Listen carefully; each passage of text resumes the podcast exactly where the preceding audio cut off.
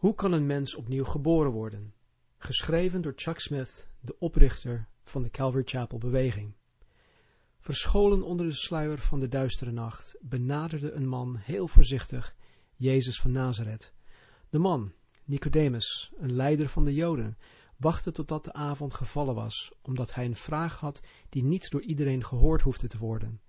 Op de achtergrond blijvende had Nicodemus naar Jezus staan kijken, die het ene wonder na het andere verrichtte.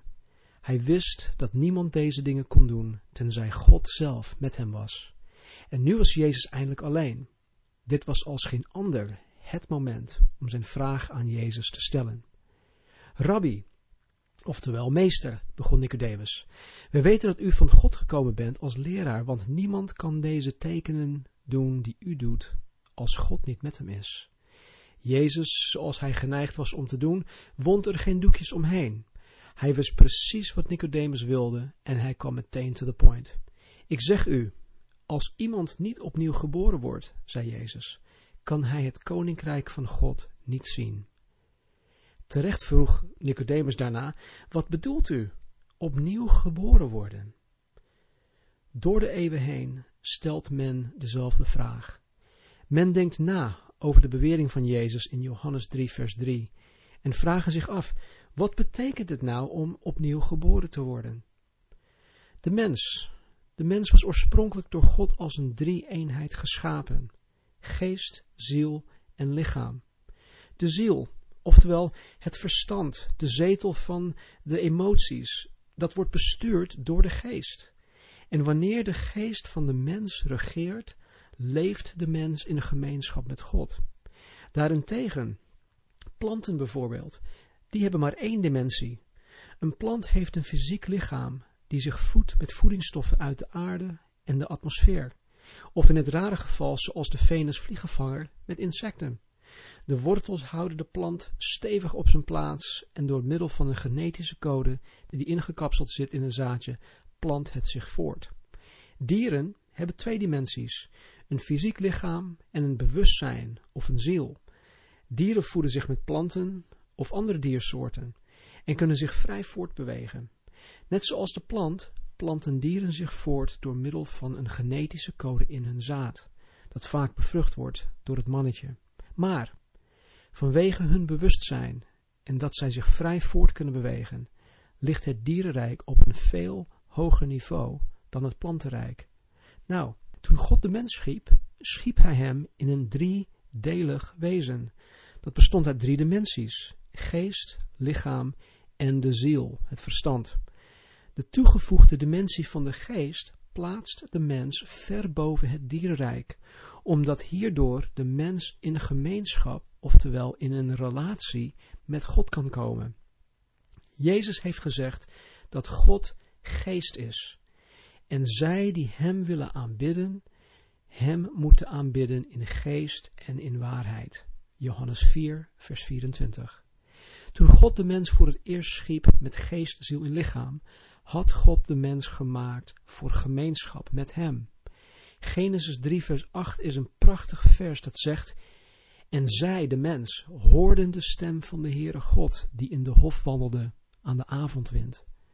Vanwege de geestelijke dimensie in het wezen van de mens, kon de mens en God elkaar persoonlijk ontmoeten en leefde in gemeenschap met elkaar. Echter, wanneer de geest van de mens dood is, is hij verlaagd tot het dierlijk niveau van het leven. Zijn gedachten zijn voornamelijk gefocust op zijn lichamelijke noden en begeertes. De geest van ieder mens is dood. De geest van ieder mens is dood vanwege zijn overtredingen en zonden. In het begin, toen God de mens geschapen had, leefde hij in een ideaal en pure omgeving. Hij bezat een sterk, gezond lichaam, zonder genetische fouten. En omdat zijn geest leefde, had hij gemeenschap met God. Maar er was een dilemma. Leefde de mens in gemeenschap met God omdat hij van God hield? Of leefde hij in gemeenschap met God omdat er geen alternatief mogelijk was? Nou, om de ware hartsgesteldheid van de mens vast te stellen, plaatste God een heel aantrekkelijke boom in het midden van de Hof van Eden. Een boom met de verboden vrucht. Een vrucht dat de mens tot de geestelijke dood zou kunnen brengen. De mens moest nu een keuze maken. Wilde hij nog steeds in gemeenschap met God leven, of wilde hij zijn eigen vleeselijke verlangens verzadigen, met als gevolg dat hij van God vervreemd zou raken? Jammer genoeg koos Adam ervoor om zijn eigen vleeselijke verlangens na te jagen en at van de verboden vrucht. En door dit te doen stierf zijn geest. Op dat moment werd de mens een tweedimensionaal wezen. Lichaam, ja, dat fysieke, en ziel, bewustzijn, verstand, emoties. Jezus vertelde Nicodemus dat hij opnieuw geboren moest worden. Johannes 3, vers 7. Wij moeten geestelijk geboren worden. Op een zekere dag waren wij allemaal in het vlees geboren, oftewel lichamelijk geboren en tegelijkertijd ook vervreemd van God. Maar als wij de zegeningen en vreugdes willen leren kennen, die bij het in gemeenschap leven met God behoren, moeten wij opnieuw geboren worden in de geest. Adam, wiens geest stierf wegens de zonde, ondervond dat hij door middel van goed doen, religieus zijn, of door bijvoorbeeld zich aan allerlei regels en wetten te houden, zijn geest niet meer tot leven kon wekken. Wij proberen goed te doen en goed te zijn, maar we zijn en doen het nooit goed genoeg. Jezus zei verder tot Nicodemus, als iemand niet opnieuw geboren wordt, kan hij het koninkrijk van God niet zien. Johannes 3 vers 3 Een natuurlijk mens kan deze geestelijke dimensie niet begrijpen. Hij kan het niet bevatten. De apostel Paulus schreef aan de Corinthiërs, want wie van de mensen weet wat in de mens is, dan de geest van de mens die in hem is? Zo weet ook niemand wat in God is, dan de geest van God. En wij hebben niet ontvangen de geest van de wereld, maar de geest die uit God is, opdat wij zouden weten de dingen die ons door God geschonken zijn. Van die dingen spreken wij ook, niet met woorden die de menselijke wijsheid ons geleerd heeft, maar met woorden die de Heilige Geest ons geleerd heeft, om de geestelijke dingen met geestelijke dingen te vergelijken. De natuurlijke mens nu neemt de dingen van de geest van God niet aan, want ze zijn dwaasheid voor hem. Hij kan ze ook niet leren kennen, omdat ze geestelijk beoordeeld worden. 1 Corinthiërs 2, vers 11 tot en met 14. Zoals Paulus zei, een natuurlijk mens kan de dingen van de geest niet begrijpen en neemt de dingen van de geest niet aan. Hij ziet ze voor dwaasheid aan. Door de kloof tussen de door de geest bestuurde mens en door de vlees bestuurde mens is het bijna onmogelijk om over geestelijke zaken te communiceren. Heb je ooit gemerkt hoe moeilijk het is om iets uit te leggen tegen een kind? Of aan een kind? Het kan heel frustrerend zijn, omdat je jezelf afvraagt, waarom begrijpt hij het niet? Het is zo duidelijk, het is zo makkelijk, het is zo voor de hand liggend, waarom snapt hij het nu niet? Voor wat betreft de geestelijke zaken is de natuurlijke mens als een kind. De Bijbel leert ons dat de natuurlijke mens de geestelijke dingen niet snappen, of niet snappen kan, omdat er geestelijke onderscheiding voor nodig is. Daarom dat Jezus zegt, alleen door opnieuw geboren te worden, kan je het koninkrijk van God zien. Om die dimensie van Gods koninkrijk te kunnen zien, is er een geestelijke geboorte voor nodig. Daarom moet je opnieuw geboren worden. Nou, Nicodemus stelde een terechte vraag. Hoe kan ik opnieuw geboren worden? Door middel van welk proces wordt een mens opnieuw geboren? En wat is de betekenis hiervan?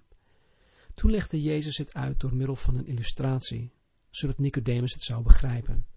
Hij gebruikte een verhaal vanuit het boek Numeri in het Oude Testament van de Bijbel. De Israëlieten begonnen op een gegeven moment te klagen tegen God en tegen Mozes, toen zij in de woestijn waren. Het volk zei, waarom hebt u ons uit Egypte laten vertrekken om te sterven in de woestijn? Want hier is geen brood, ook geen water, en onze ziel heeft een afkeer van dit waardeloos brood, de manna. Nummerie 21 vers 5. Omdat zij mopperden en klaagden tegen God, liet hij toe dat er dodelijke slangen het tentenkamp van de Israëlieten binnenkwamen. Al snel waren honderden mensen stervenden vanwege de slangenbeten. De Israëlieten renden naar Mozes toe en verontschuldigden zich en smeekten Mozes om voor hen te bidden. Mozes op zijn beurt vroeg God het volk te genezen. God echter, in plaats van hen te genezen, maakte dat zij hun genezing zelf in de hand hadden. In nummer 21 vers 8 lezen we, En de Heere zei tot Mozes, maak u een vurige slang en stel deze op een stang. En het zal geschieden dat allen die gebeten zijn, als hij de slang aanziet of als hij ernaar zal kijken, zal hij leven. Dus Mozes maakte een bronzen slang, bevestigde het op een paal, in het midden van het tentenkamp. Als er iemand gebeten werd door een van deze giftige slangen, werd hen verteld dat zij naar de bronzen slang op de paal moesten kijken, waardoor zij meteen genezen werden. Laat me het symbolische hier achteruit leggen. In de Bijbel is brons een symbool voor Gods oordeel. De Israëlieten hadden een bronzen altaar voor hun offers. 2 Koningen 16 vers 15. In de Bijbel is de slang een symbool voor de zonde. bijvoorbeeld de slang in de Hof van Eden. Genesis 3 vers 13. Maar hier, in deze situatie, verwees de slang op de paal naar het kruis waar Jezus op gekruisigd zou worden. Jezus zei, zo moet ook de zoon des mensen verhoogd worden. Johannes 3 vers 14. Ook in Johannes 12 vers 32 zei Jezus, en ik, als ik van de aarde verhoogd ben, zal allen naar mij toetrekken. Jezus profeteerde, of hij voorspelde, dat hij aan een kruis zou sterven. Daarom is de bronzen slang op de paal een symbool van onze zonden die God of die door God veroordeeld worden aan het kruis op Golgotha. Net zoals Mozes in de woestijn de slang verhoogde, zo moest de zoon des mensen ook verhoogd worden. Alleen door middel van de door God gegeven oplossing, de dood van zijn zoon, kan een mens opnieuw geboren worden. Door te sterven in onze plaats nam Jezus het oordeel van onze zonden op zich. Wanneer we dit begrijpen en in geloof naar Jezus aan het kruis kijken, beseffen wij dat Hij voor onze zonde gestorven is. Jezus droeg Gods oordeel dat voor ons bestemd was. Stel je voor dat je ongeveer 3800 jaar geleden bij de Israëlieten woonde, toen die slangen het tentenkamp binnenkwamen. Op een dag ben je aan de praat met een vriend in je tent en een slang glipt naar binnen die hem in zijn voet bijt. Je kijkt hulpeloos toe hoe zijn voet opzwelt en even later heftige stuiptrekken krijgt. Je trekt je vriend dus zo snel mogelijk uit de tent en roept, kijk naar de slang op de paal. Die, die slang die Mozes in het midden van het tentenkamp opgezet heeft. Maar je vriend antwoordt, ik snap niet hoe dat mij kan helpen. Doe nou niet zo stom, roep je. Kijk gewoon. Ja, maar ik, ik snap het niet. Hoe helpt het kijken naar een slang op een paal mij op dit moment? Ik, ik ben stervende. Ik weet niet hoe het werkt. Reageer je buiten jezelf. Ik weet alleen dat honderden mensen om ons heen, net zoals jij, stervende waren. Zij keken naar de slang op de paal en ze waren erdoor geholpen. Kijk nou. Nee, ik vind het gewoon stom, weigert je vriend. Ik ga niet kijken. Dan sterft je vriend en je kan het niet geloven. Je hebt hem niet gevraagd om iets verschrikkelijks te doen. Je vroeg hem alleen maar om te kijken. Hij hoeft niet eens te snappen hoe het in zijn werk ging om er profijt van te hebben. Zo ook hetzelfde met Jezus Christus die voor onze zonde gestorven is. Wij hoeven het proces waardoor onze geest opnieuw geboren wordt niet te snappen. Wij hoeven niet te snappen hoe onze leven zo radicaal veranderen. Het enige wat we moeten weten is dat het mogelijk is. Net zoals de Israëlieten in de woestijn, hoeven ook wij het proces niet door en door te kennen om van de resultaten te kunnen genieten. We kunnen bewust in Gods gezelschap leven. We kunnen ervaren hoe geweldig het is om eeuwig leven te hebben en om vrij te zijn van zonde. Jezus legde het proces van opnieuw geboren worden als volgt uit.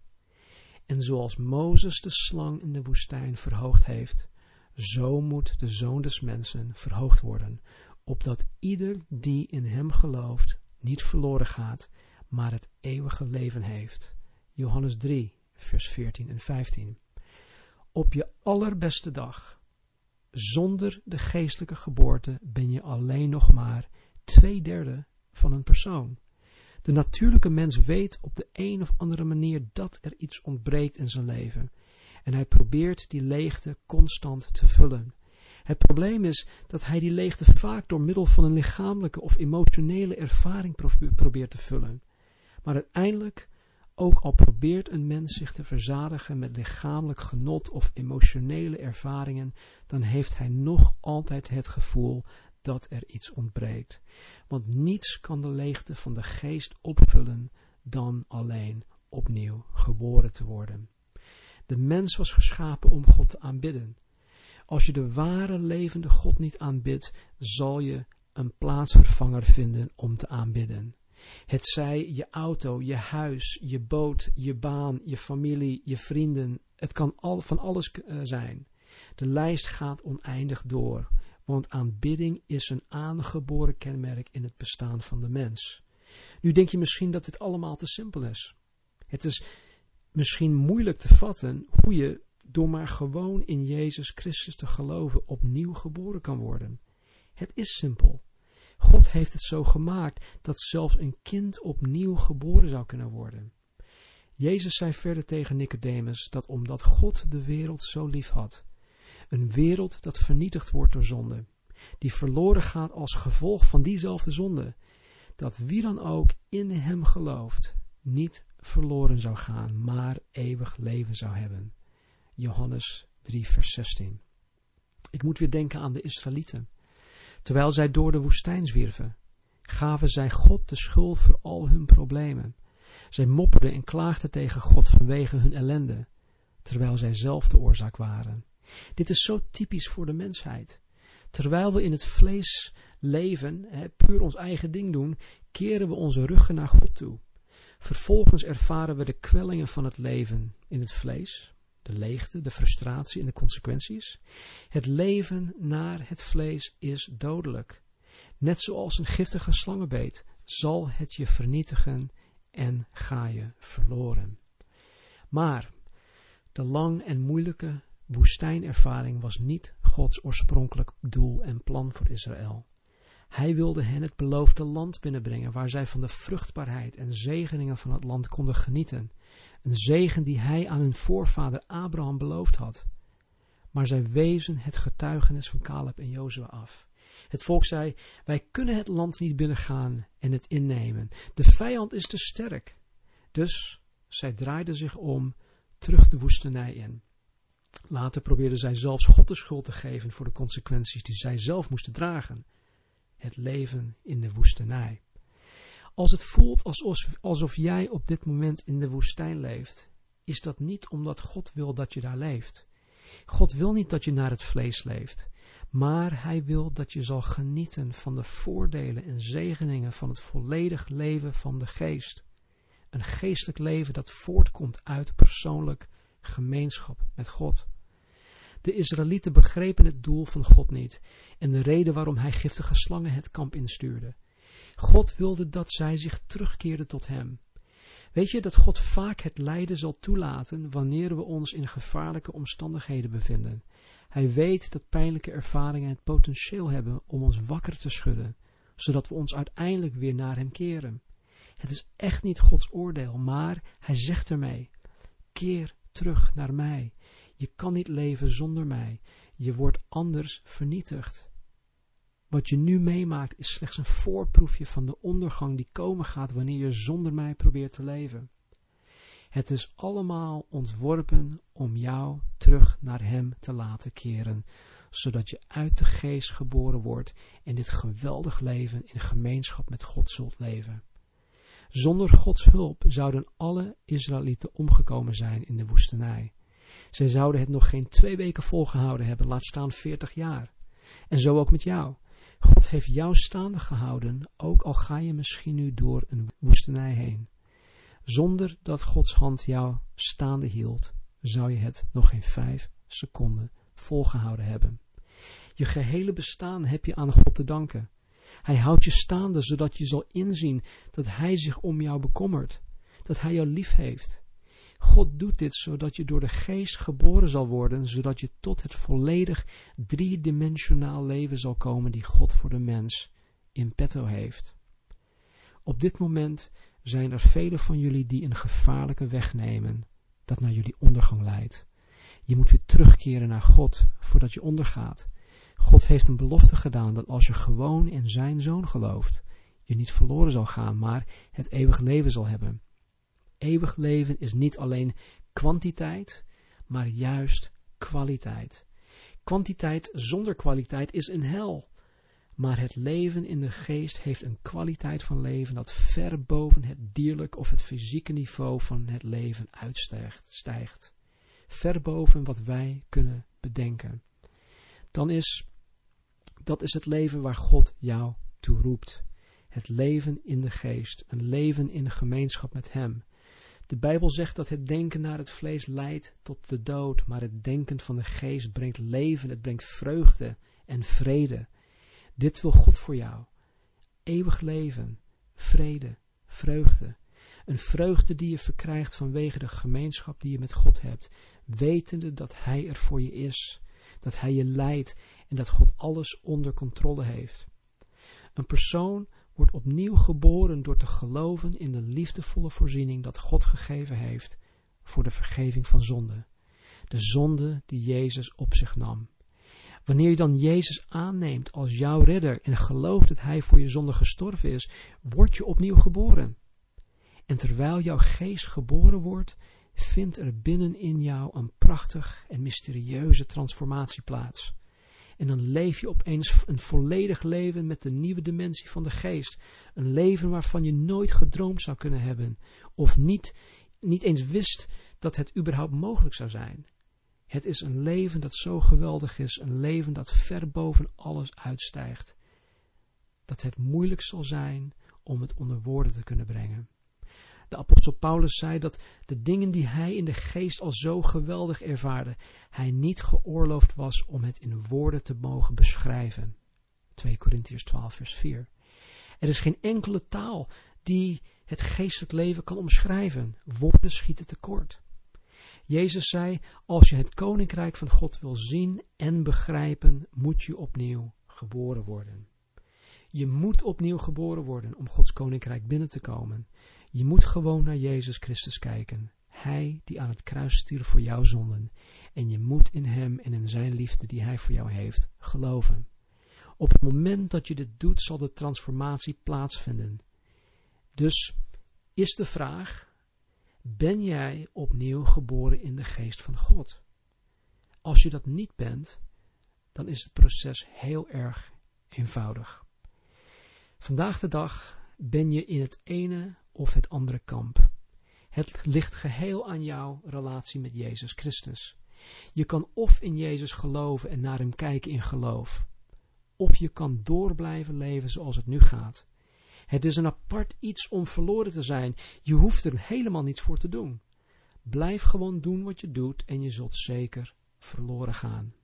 Maar als je naar het kruis kijkt en gelooft in degene, Jezus Christus die voor jouw zonden stierf, dan is Gods genadegave van jou. En de gave is het eeuwig leven. Het zondaarsgebed.